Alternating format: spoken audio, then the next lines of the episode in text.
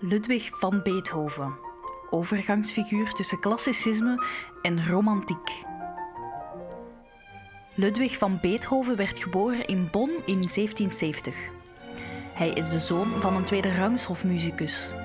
Zijn vader wil van hem, naar het voorbeeld van Mozart, een wonderkind maken. De jonge Beethoven heeft talent en volgt pianolessen, maar de vader is een alcoholicus en een dwingeland die Ludwig wat harder slaat als deze niet snel genoeg een wonderkind wordt. Ondanks deze harde leerschool wordt Ludwig een uitstekend pianist.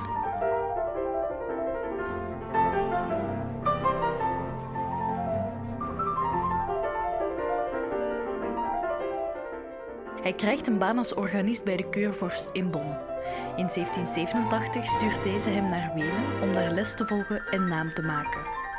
Na een paar weken moet hij terug naar Bonn keren. Zijn moeder is gestorven en hij moet voor zijn twee jongere broers zorgen omdat de vader door drankzucht zijn baan was kwijtgeraakt. Hij onderhoudt het gezin door als altviolist in een theaterorkest te spelen en pianolessen te geven. In Bonn is er echter geen toekomst 1792 verhuist hij met financiële steun van de naar Wenen, waar hij de rest van zijn leven blijft wonen.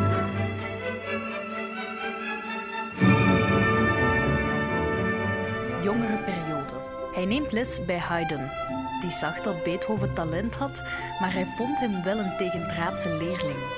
Op zijn 25ste publiceert hij zijn eerste composities en heeft hij als pianist in Wenen een kring van bewonderaars. De muziek van de vroegperiode, onder andere de eerste en de tweede symfonie, is sterk in de klassieke stijl van Haydn en Mozart, maar zijn hartstochtelijke temperament is er toch al in te horen.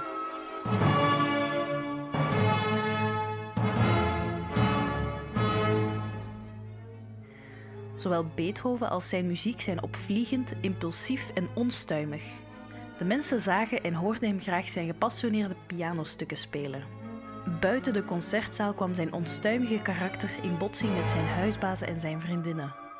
Hij hield het nooit lang uit, niet bij de vriendinnen en niet bij de huisbazen.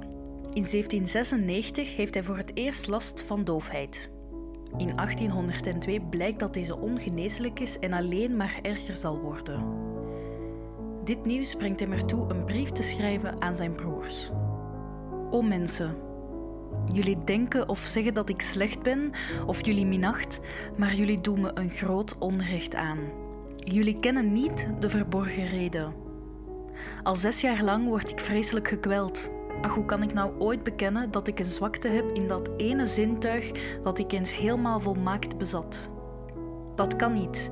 Vergeef me als jullie me zien terugdeinzen terwijl ik graag met jullie gesproken had. Ik moet alle leven als een banneling.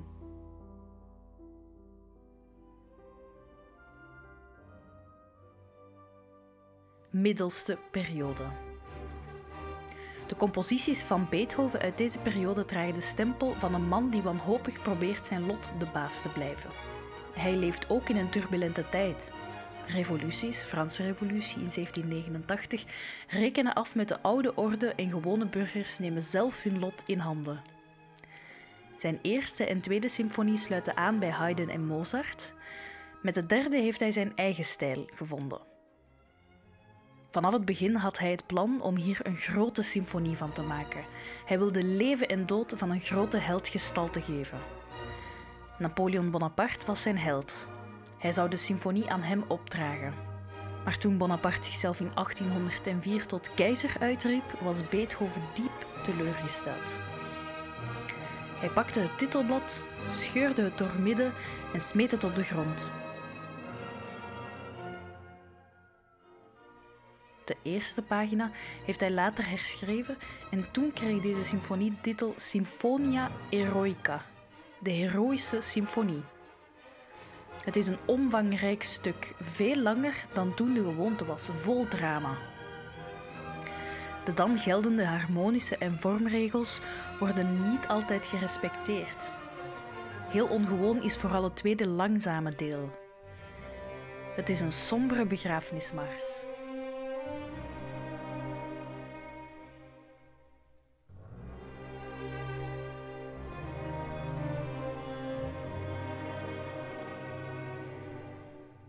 Beethoven schrijft in deze periode nog symfonieën.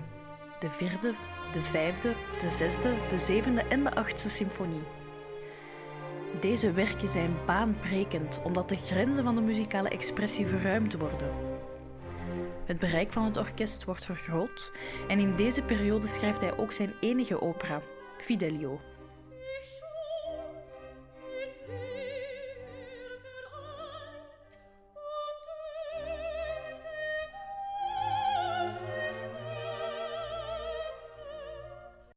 In deze periode schrijft hij ook zijn bekendste werk Fur Elise. Er zijn veel wilde theorieën die rondgaan waarin gespeculeerd wordt over wie het stuk zou kunnen gaan. Er zijn veel kandidaten, maar de meest waarschijnlijk is Elisabeth Rockel, een bekende sopraan en operazangeres met wie Beethoven een nauwe band had. Ook blijkt uit documenten uit die tijd dat ze werd aangesproken met Elise. Tot een relatie kwam het nooit, maar Elise bewaarde wel een schrijfveer en een haarlok van Beethoven. In 1812 komt er een einde aan deze periode van overvloedige productiviteit. Hij is zo doof geworden dat hij niet langer voor een publiek kon optreden. Hij is in een proces verwikkeld over de voogdij over de zoon van zijn broer en verzinkt in een diepe depressie.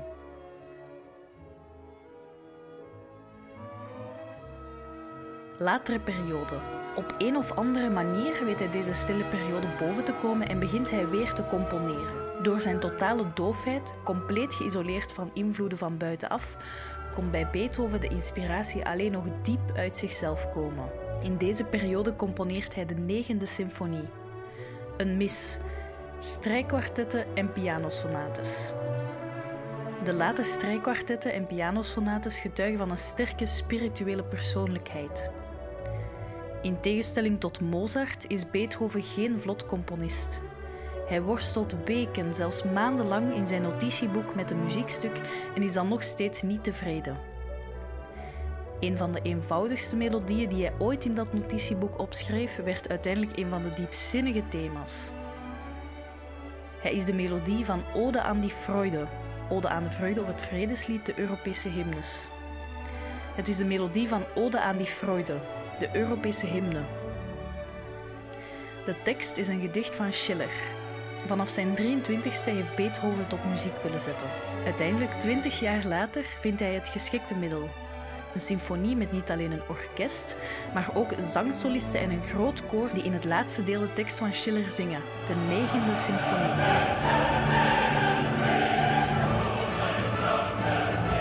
Het was de eerste keer dat zoiets gedaan werd. De eerste uitvoering werd een groot succes. Nadat het slotakkoord geklonken had, kwam het publiek overeind en gaf Beethoven een toonderende ovatie. Beethoven hoorde het niet en bleef met zijn rug naar het publiek staan. Pas toen een van de zangers Beethoven naar het publiek draaide, zag hij de uitbundige reactie. Toen Beethoven stierf, was hij een held. 30.000 rouwende mensen waren op zijn begrafenis aanwezig.